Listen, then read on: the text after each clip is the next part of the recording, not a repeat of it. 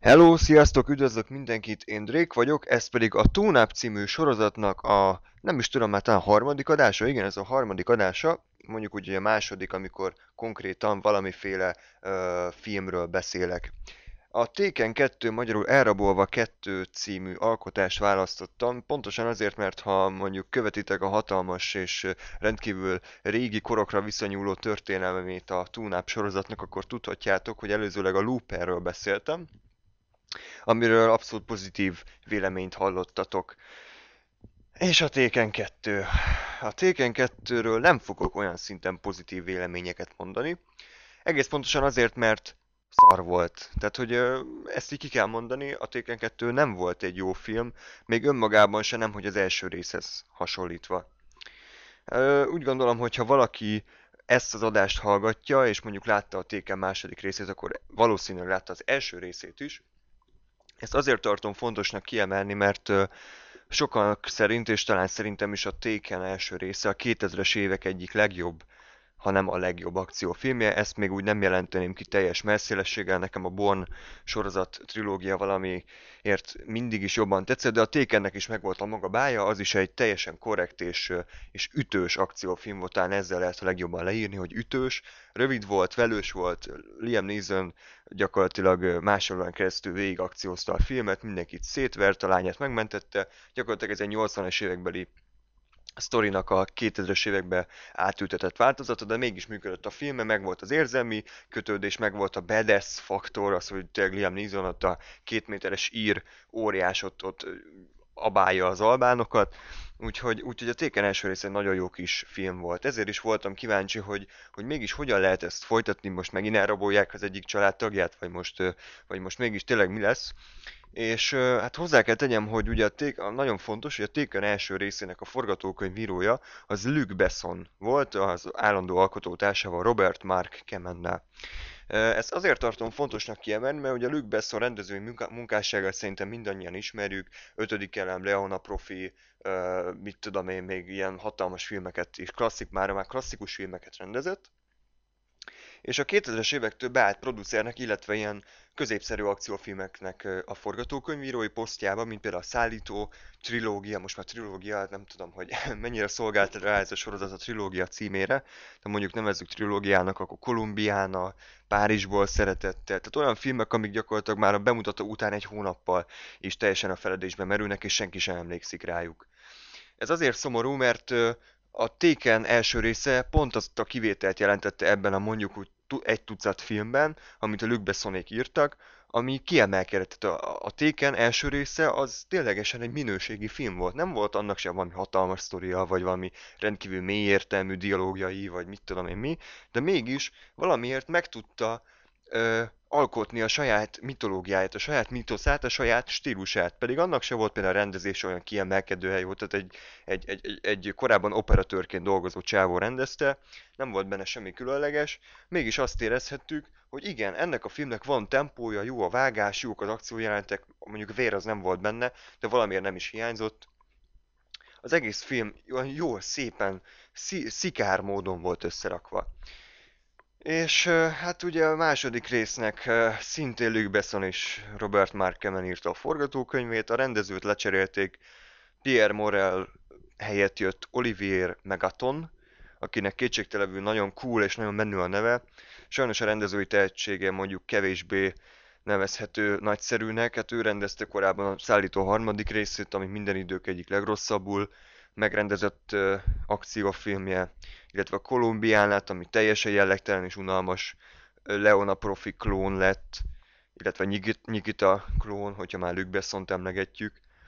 És hát ö, nem voltak jók az előjelek, tehát az a gond, hogy a Taken ugye 2008-as film volt, és azóta Luke Bessonék folytatták a Téken előtt elkezdett középszerű sorozatot, ugye akkor volt a korábban említett Párizsból szeretettel, vagy nem tudom mi volt annak a John Travoltás filmnek a címe, amire senki nem emlékszik a, a Luke Bessonon kívül. Ott volt a Kolumbiána, tehát még ez a Lockout című film, ami szinte Magyarországon csak DVD-kre, vagy nagy Isten a Film Plus-ra érkezik egyenesen, tehát olyan hihetetlen minőségi film az és a Taken 2 nem előzte meg túlzott, túlzottan nagy minőségi elvárás. Én, én is csak úgy jöttem be rá, hogy oké, okay, ha hozza az első rész színvonalát, vagy ha legalább megközelíti azt, hogyha Liam, el tudom hinni azt, hogy Liam Neeson uh, már gyakorlatilag 60 évesen, de így is ledarál egy fél hadsereget, akkor azt mondom, hogy nem lesz gond ezzel a filmmel. Hát az a baj, hogy volt gond a filmmel, és rengeteg gond volt ezzel a filmmel. Tehát azt kell, hogy mondjam, és most ezt nem tudom, majd kisípolom, vagy valami, de a Taken 2 mindent elbaszott, amit az első rész jól megoldott. Tehát mondom, egyetlen olyan elemet nem tudok kiemelni a második résznek, ami legalább ugyanolyan jó volt, mint az egy. Rosszabb volt a sztori, rosszabbak, hihetetlenebbek voltak a karakterek, az akciójelenetekre nincs szó, hogy mennyire silány. Tehát én, én, én mondom, én, én úgy jöttem be rá, hogy, hogy, hogy oké, okay, nyitott elmével befogadom azt a mondjuk kevésbé színvonalas rendezést, amit mondjuk a Megaton neve előre sejtetett. De mégis annyira sivárak, annyira unalmasak, jellegtelenek, ötlettelenek voltak ezek az akciójelenetek, mintha nem is előzte meg volna ezt a filmet, tényleg a 2000-es évek egyik legjobb akciófilmje. Én nem, én nem tudom elhinni, hogy hogy lehetett ennyire unalmasan és semmit mondóan felvenni, meg ezeket az akciójelenek és egyáltalán megkoreografálni. Tehát írjátok be a kommentekre, hogy ki milyen olyan elemet fedezett fel a filmben, amit mondjuk ilyen cool volt, amilyen ilyen tényleg az, hogy, hogy azt mondja az ember, hogy na, ez, ez fasza volt. Tehát én egy olyan jelentre nem emlékszem, ami kimagaslott volna, hogy ment a film a maga módján, volt valami autós üldözés, nézzen egy pofaszkodott össze-vissza, jó, mondjuk azért már, amit az első részben valahogy a vágással, meg ugye a, a, az akciójelentek koreográfiájával sikerült elérni, hogy elhiggyem azt, hogy a Neeson ez egy igazi akcióős, szerintem azt a második részben már kevésbé sikerült, látszott rajta, hogy kicsit ilyen lomha, mintha így nem tudom, közfényes lenne a háta, vagy valami fura dolog ö, történt volna,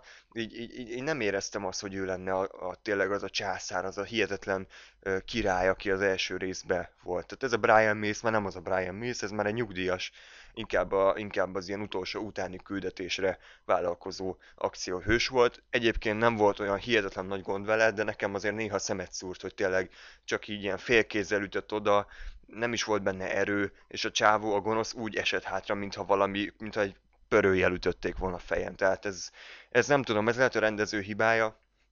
Én el tudom hinni, hogy nézem még mindig olyan, hogy akit megüt, az annak biztosan fáj. Tehát engem most ide a két méteres néző és lecsapna, valószínűleg három napig nem térnek magamhoz, de, de valahogy ezt a filmben nem sikerült normálisan ö, ö, sejtetni, vagy nem sikerült jól bemutatni.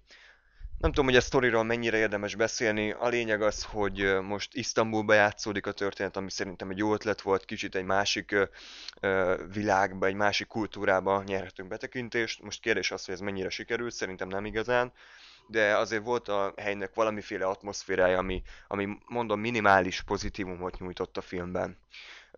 Hát most ugye az alapsztori az az, hogy most nem az, hogy a lányát rabolják el, hanem elrabolják a feleségét és őt, ez nem tudom mennyire spoiler, a trailerekben is benne volt, és a kislányának, aki a 30 éves Maggie Grace játszik, egy 17 éves szerepet, jó, ezt már Hollywoodban megszokhattuk, hogy, hogy erre a kor, kor egyezésre nem igazán figyelnek a producerek. Szóval az első részben rendkívül idegesítő Maggie Grace-nek kell kiszabadítani az apját, és akkor mindenféle kalamajkába keverednek, ott trükköznek össze-vissza, aztán mindenféle dolog történik, kb. ennyi a sztori, tehát én nem, tudok, nem, nem tudom mélyebben, mélyebben belemenni, mert nem volt sztori ennek a filmnek, még talán annyi, hogy azért rabolták el Mills-t és a feleségét, hogy az első részben meghalt katonák, albán katonákért bosszút álljanak. Tehát ugye a gonosz albán vezér kitalálta ott a rendkívül melodramatikus temetés jelent közepette, amikor eltemették azt a hát olyan 200-300 halottat, akik, akit a nézzen az első részben elintézett, hogy na most ők jól, jól bosszút állnak. Hát nem tudom, ennél nagyobb baromságot szerintem nem is tehettek volna, tehát hogyha, hogyha mondjuk magukat is elássák a földbe ugyanazzal a lendülettel, akkor valószínűleg eredményesebb életet élhettek volna, mert így gyakorlatilag ugyanaz történik, mint az első részben, nézve mindenkit megöl, aki csak a közel, közelében és csúnyán néz rá, tehát még a főgonosz is rendkívül ostobán viselkedik. Úgyhogy a sztori természetesen a, a szokásos Luke Bessoni baromságokba torkolott, amit egyébként én nagyon sajnálok, mert tényleg az első rész az egy, az egy kiemelkedően jól és profin összerakott film volt. Az akciójelentekről ugye már beszéltem, hogy teljesen semmit mondóak, lomhák és ilyen, hát ilyen inkább a 80-as, 90-es évek világát idézik. Nem gondolom azt, hogy, hogy túlzottan sok munkát fektettek volna bele, sok volt az a rángatózó kamera, a, a közeli, kicsit ez a Born filmeket próbálták majmolni, már nem tudom, hanyadjára, tehát már minden akciófilmnek ilyen Born stílusba kell forognia, én ezt nem értem, de ez nem tett jót ennek a filmnek. Ennek a filmnek jobban tett volna, hogyha ilyen Expendables-szerűen normális fix kamerával, ilyen 80-as évek stílusában van felvéve, és akkor azt mondom, hogy tényleg ez, ez a film megtalálta a maga stílusát, de így, így kicsit ilyen furá jött össze, hogy gyakorlatilag a Neeson annyit csinál, hogy egy helybe áll és pofoszkodik, és úgy van felvéve, mintha valami hatalmas nagy összecsapás lenne és erről jut eszembe, hogy a végén, amikor a ilyen semmit mondó, a főgonosznak az egyik szolgájával neki áll harcolni a Neeson, egy ilyen kő emelvényen, egy ilyen nagy csarnok közepén fentről ilyen mennyei fény árad be, hát nem tudom mit gondoltak, tehát olyan, mintha a Matrix harmadik részének a záró hatalmas összecsapására készülnének, és ezzel nincs is semmi baj, de azt az embert, akivel a Neeson harcol korábban én életemben nem láttam, tehát nem tudtam, hogy ki az Isten, az úgy nézett ki, mint valami uh, latin uh, ilyen foci szurkoló, ilyen jó kis sörhasa van, szakáll, ami már, már rászáradt a tekila, és akkor egy ilyen senki házival elkezd a Neeson harcolni, és az a legszomorúbb, hogy egy kiképzett katonával szemben, aki a Neeson, ez, ez a senki házi nyomorult, ez méltó ellenfélnek tűnik. Hát tényleg én már azt vártam, hogy, hogy akkor, hogy, akkor lepattan róla a, a, az első ütésből. De nem, ők jól elharcoltak ilyen 5-6 percig, én megnéztem, hogy ezt most tényleg hogy gondolták komolyan. És ha már ilyen baromságokról beszélünk, magát a, a Brian Mills karakterét se kell félteni, tehát ő az első részben el tudta velem hitetni azt, hogy egy szuperügynök, aki logikusan gondolkodik, akinek az iq az egekben van, és ténylegesen mindig a lehető legjobb döntést hozza. De a második részben akkora baromságokat csinál, amiket én, én nem tudtam feldolgozni. Tehát mi az, mi az, hogy jó, most spoiler, de nem érdekel, mert ebbe a filmből bármit lelőni is ö, embereken kívül nem érdemes. Ö, amikor a feleségét úgymond először kiszabadítja a gonoszok karmai közül. Egyébként nem értem, hogy miért egy nyomorult ember őrizte a Nizönt a, a cellájában, amikor tudták az albánok, hogy már 300 embert legyilkol, de nem, akkor egy nyomorultal kell őriztetni, persze, aki nem is figyel erre, hanem alszik és újságot olvas. Gratulálok, albán vezér, tényleg te is nagyon okos ember vagy. Na mindegy, szóval Nizön kiszabadítja a feleségét, aki igen rossz állapotban van, mert ott olyan csúnya dolgokat csináltak vele. És azt mondja a néző, hogy oké, okay, akkor nem hurcolok magammal, inkább itt hagylak a, a gonoszok táborának a közepén, én elmegyek a lányommal ezért, város nézni, aztán amikor fél óra múlva visszajönnek, akkor csodálkozok, hogy na hát megint ellopták a feleségét. Na hát csak nem azért, mert ott hagytad te szerencsétlen a, a gonoszoknak a karmaiban. Tehát én ott tényleg fogtam a fejem, hogy ekkora ökörséget hogy lehetett beleírni. Tehát tényleg senki nem volt, aki azt mondta, hogy hát lehet, hogy ezt innen kéne Mr. Besson, nem?